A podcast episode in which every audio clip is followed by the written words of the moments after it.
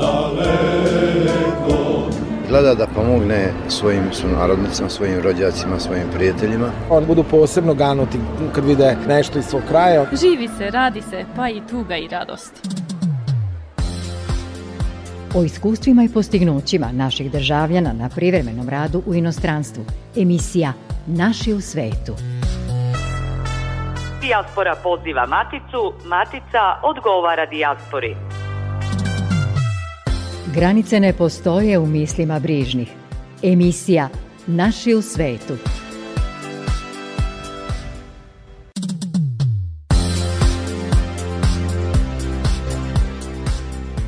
Dobro večer, poštovani slušalci. Slušate emisiju posvećenu u dijaspori i matici.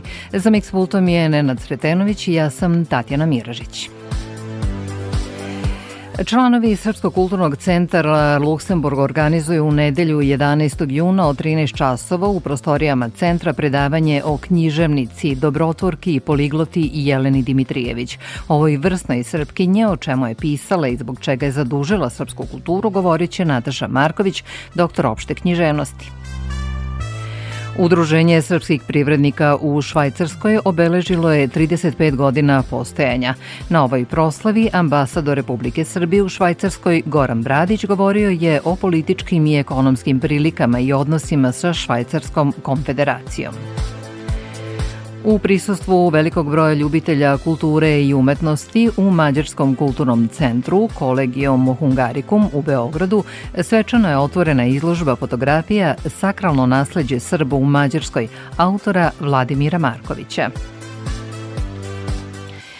Sedmi Međunarodni festival Indija Pro Poet okupio je protekle sedmice 58 književnika, književnih prevodilaca i kant autora iz 20 zemalja sveta, a među njima i naše umetnike iz dijaspore.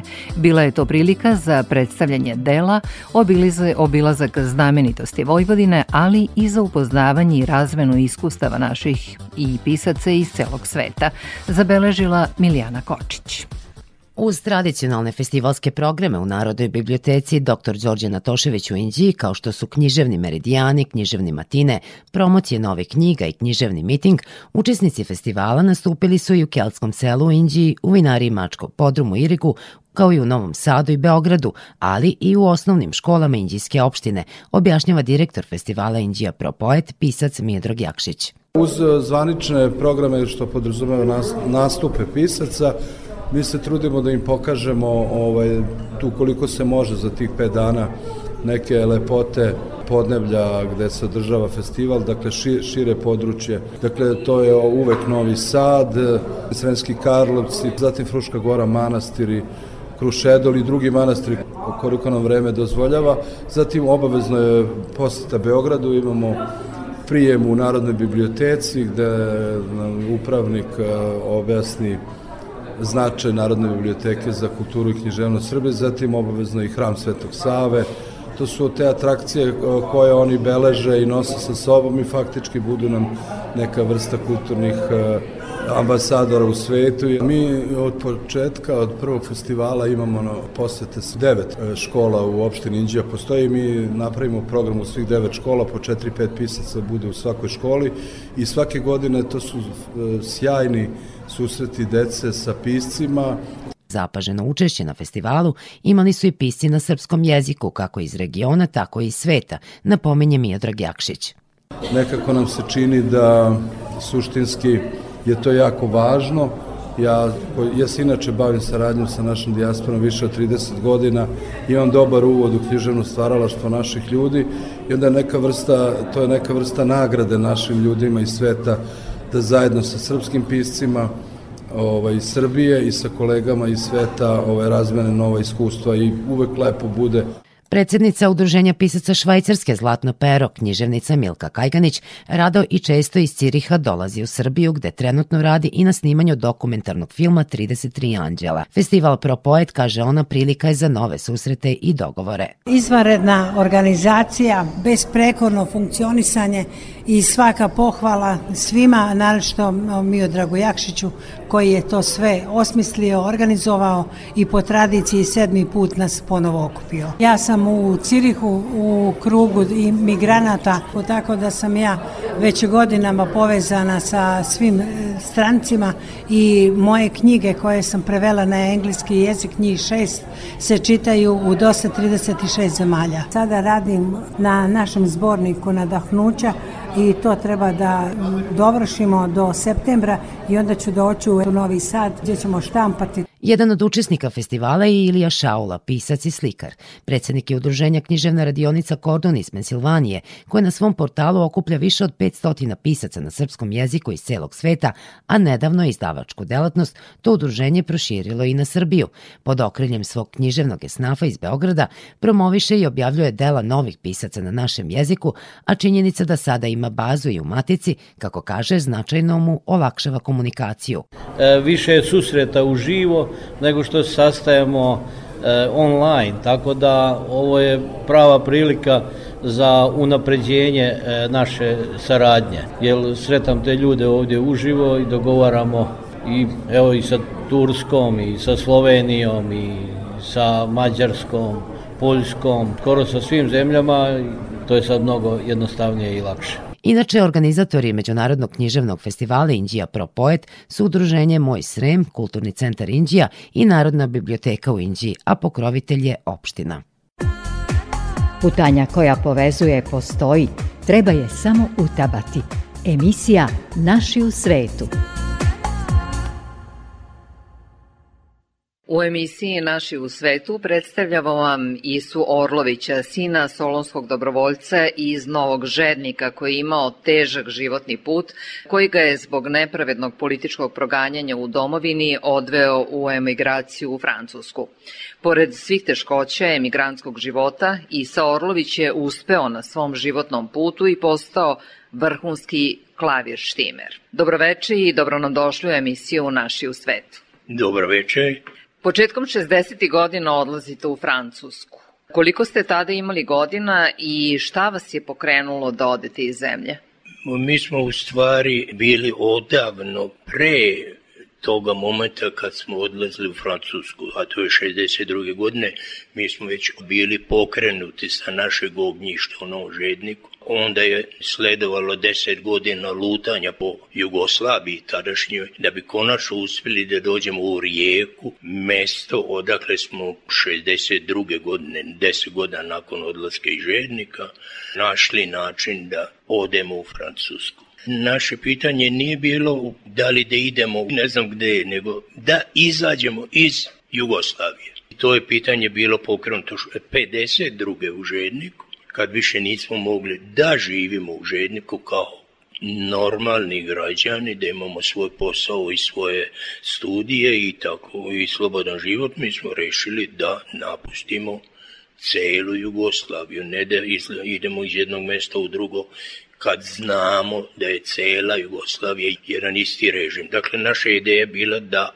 idemo u inostranstvo dok smo dosta još sposobni da od sebe, jer nas je bilo ipak 15 zajedno de, da kao članovi familije, dok smo još uvijek sposobni da napravimo novi život na, na nekom drugom mestu.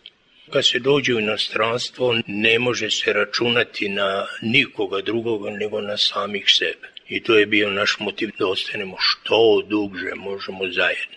Kako ste se snašli u početku, tako mladi, i kako su vas prihvatili Francuzi? Mi smo došli u Francusku kao prva zemlja koju smo smatrali da će biti u stanju da nas eh, razume zato što je otac bio dobrovoljac na Solovskom frontu, on je bio i u sastavu francuske vojske pod maršalom Fošom. Mi smo otišli u Francusku po tom pitanju i odmah smo 30. oktobra stigli uveče tamo, ali idućeg dana smo odmah zatražili da nas primi u ministarstvo unutrašnjih poslova da nam daju odgovor ili nas primaju i obezbeđuju ili da tražimo neke druge prijatelje. Tih godina je bilo pravilno otići u Francusku i to smo uspeli da uradimo. Kada ste i kako kod sebe prepoznali dar za klavir štimera? Nije dar za štimanje klavira, nego sluh. Moj otac je bio profesionalni pevaš pred srpskom vojskom za vreme Prvog svetskog rata. To nisam sluk, treba imati mnogo drugih osobina. Ja što imam klavir s mojim nogama, sa mojim rukama, sa mojim ušima, sa mojim razumom, sa mojim duhom u isto vreme. To je jedna vrsta koncentracije. Ja sam, na primjer, hteo i da učim da sviram klavir. Nikad nisam svirao klavir. Ja nikad nisam mogao na klaviru sa oba dve ruke da sviram u isto vreme.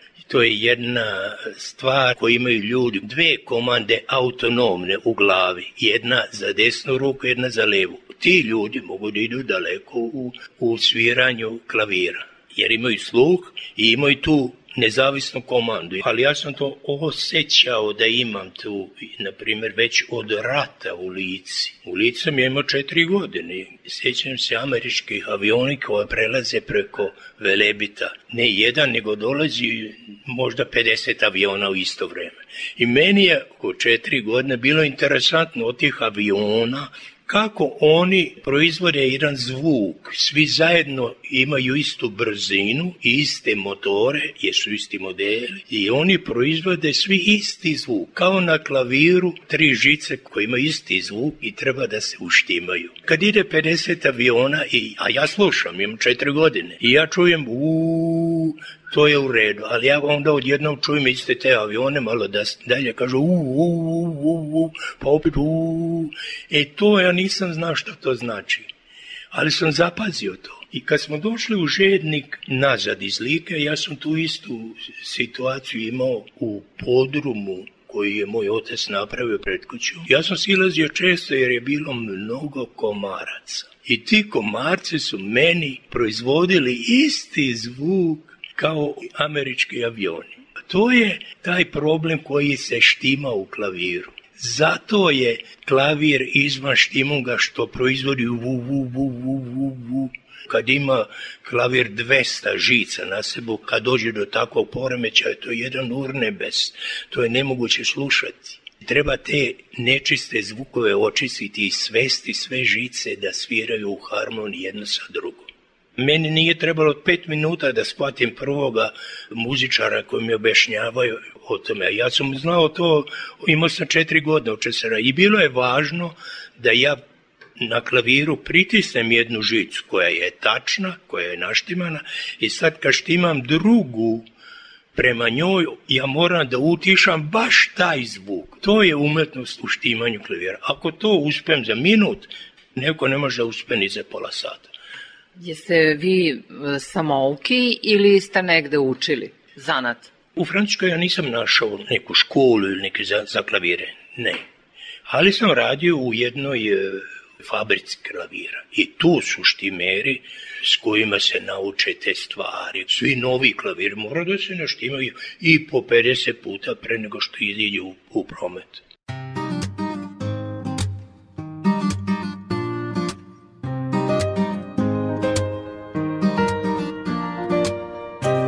noći nebo zemlji se na grudi spustilo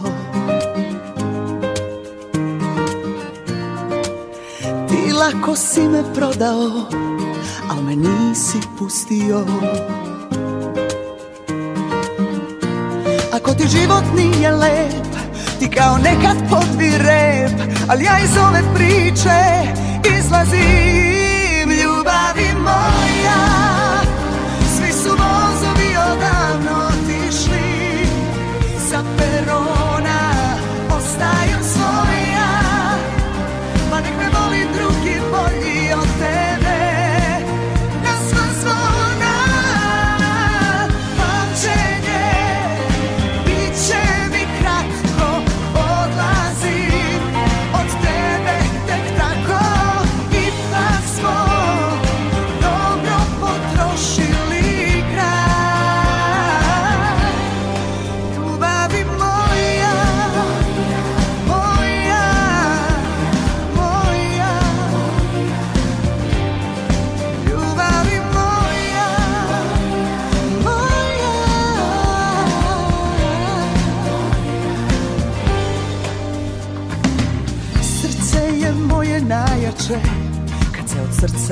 veže Ti menjaj druge, menjaj svet Al mene ne možeš, ne, ne Ako ti život nije lep Ti kao nekad potbi rep Al ja iz ove priče izlazim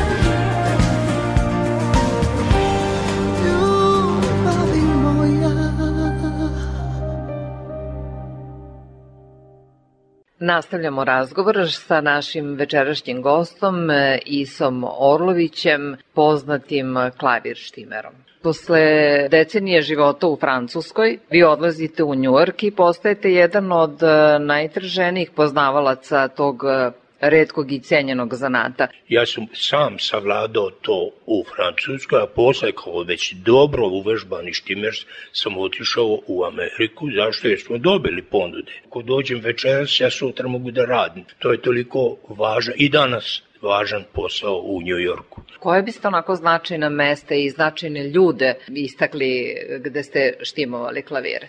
bilo koja velika ličnost dođe u Njujork, oni, ne, oni obavezno imaju mesto gde postoji klaver koji mora da bude u najboljem štimu. Kad takvi ljudi dolaze, onda se traže najbolji štimeri. Tako se ja došao do kontakta da me se zove tamo gde dolaze koncerte za Obamu, za Clintona, za kraljicu Elizabetu, Naprimer, ja sam štimo za Oscara Petersona, to je jedna najveća muzička američka figura. Desilo se da je on imao koncert u Njujorku na 43. u radiostanici. Naša kompanija gde se ja radio je dala za njegove snimanje njegovih koncerata naš klavir koji je vredio oko 100.000 dolara. Kad je on počeo da svira, on rekao ne, ovo nije klavir, zašto, ja ne mogu svirati na ovaj klavir. I šta sad da radimo? Treba da se donese novi klavir. Onda treba taj novi klavir da se ne štima. E sad on više neće to da reskira, nego će on doći, da on proba u kompaniji klavira, je li taj klavir dobar, pa da ga on izabere najprije, pa onda tebi da ga nosimo. I sad moj e, kuća koja kaže Orlović, naš tima i klavir, aj sad. Ja sam naštimao klavir za Oskara Petersona za svojih 35 minuta. Na sluh je sasvim prirodan štimung, to je sasvim nov, drugčije, to je najstariji štimung. Kad je on počeo da svira tu, kao da je hteo tu da proizvede koncert, to on se nije dao odlepiti od klavira. Kako je ovo naštima divno? Mene su odmah svi posle zvali Ajsa, štimer Oskara Petersona. A štimao sam klavir za Lucijana Pavarotija. Kad god je on dolazio iz Evrope, aj sa dolazi Luciano. To je odmah, znači, treba ide naštimati njegov klavir.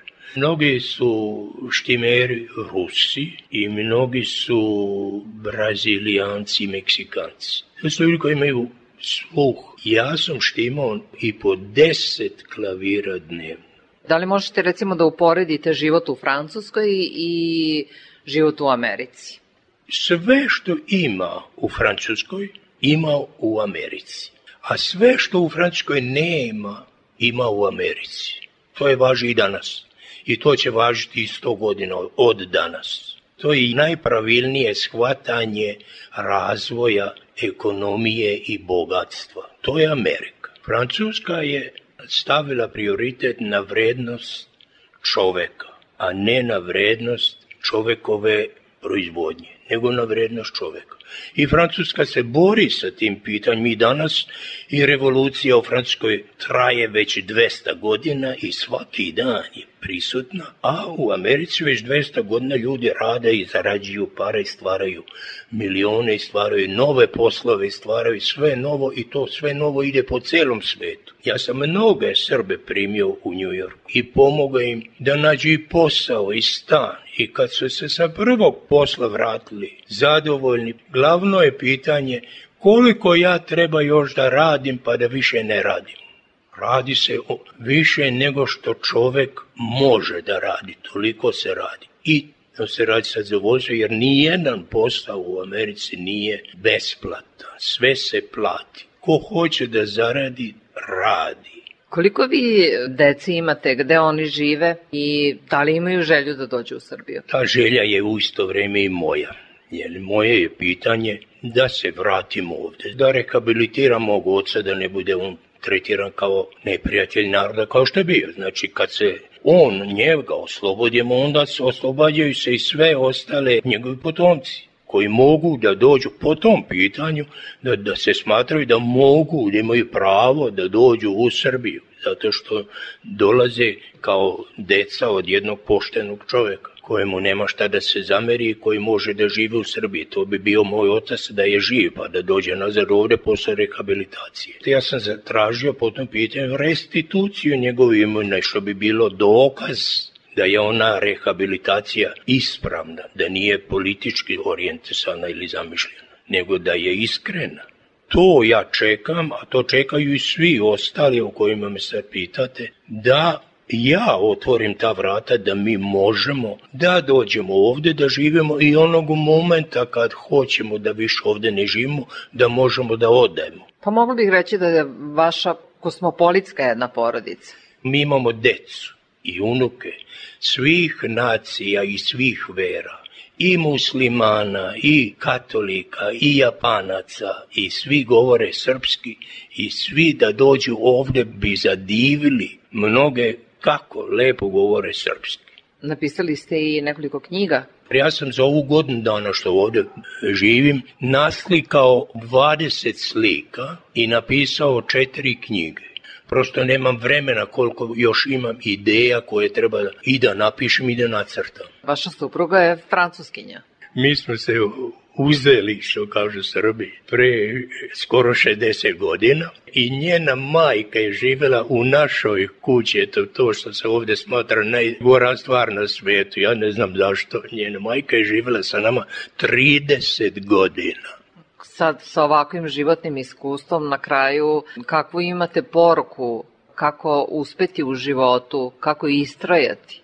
Kogod ima ikakvu sposobnost da i misli da može od sebe da napravi više, taj treba da ide u inostranstvo. I naravno kad mu padne na pamet ili prilika i da se vrati. Da ne bude onaj koga treba prikoreniti negde, jer korenje je za biljke, a čovek je dobio noge i ima pravo da ide, da se služi njima.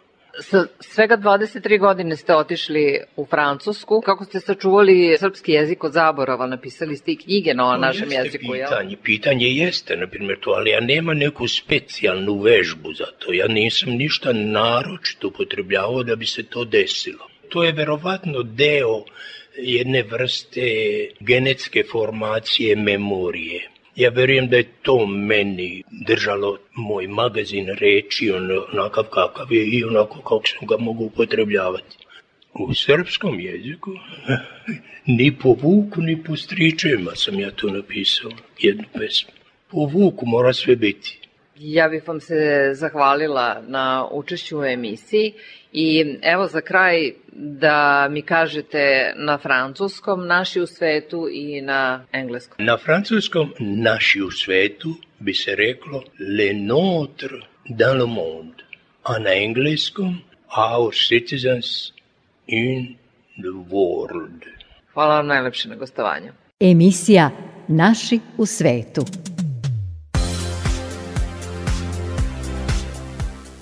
Slušali ste emisiju Naši u svetu koja povezuje Maticu sa dijasporom. O postignućima naših ljudi u inostranstvu slušat ćete i sledećeg petka u 19.05. Prijatno večer.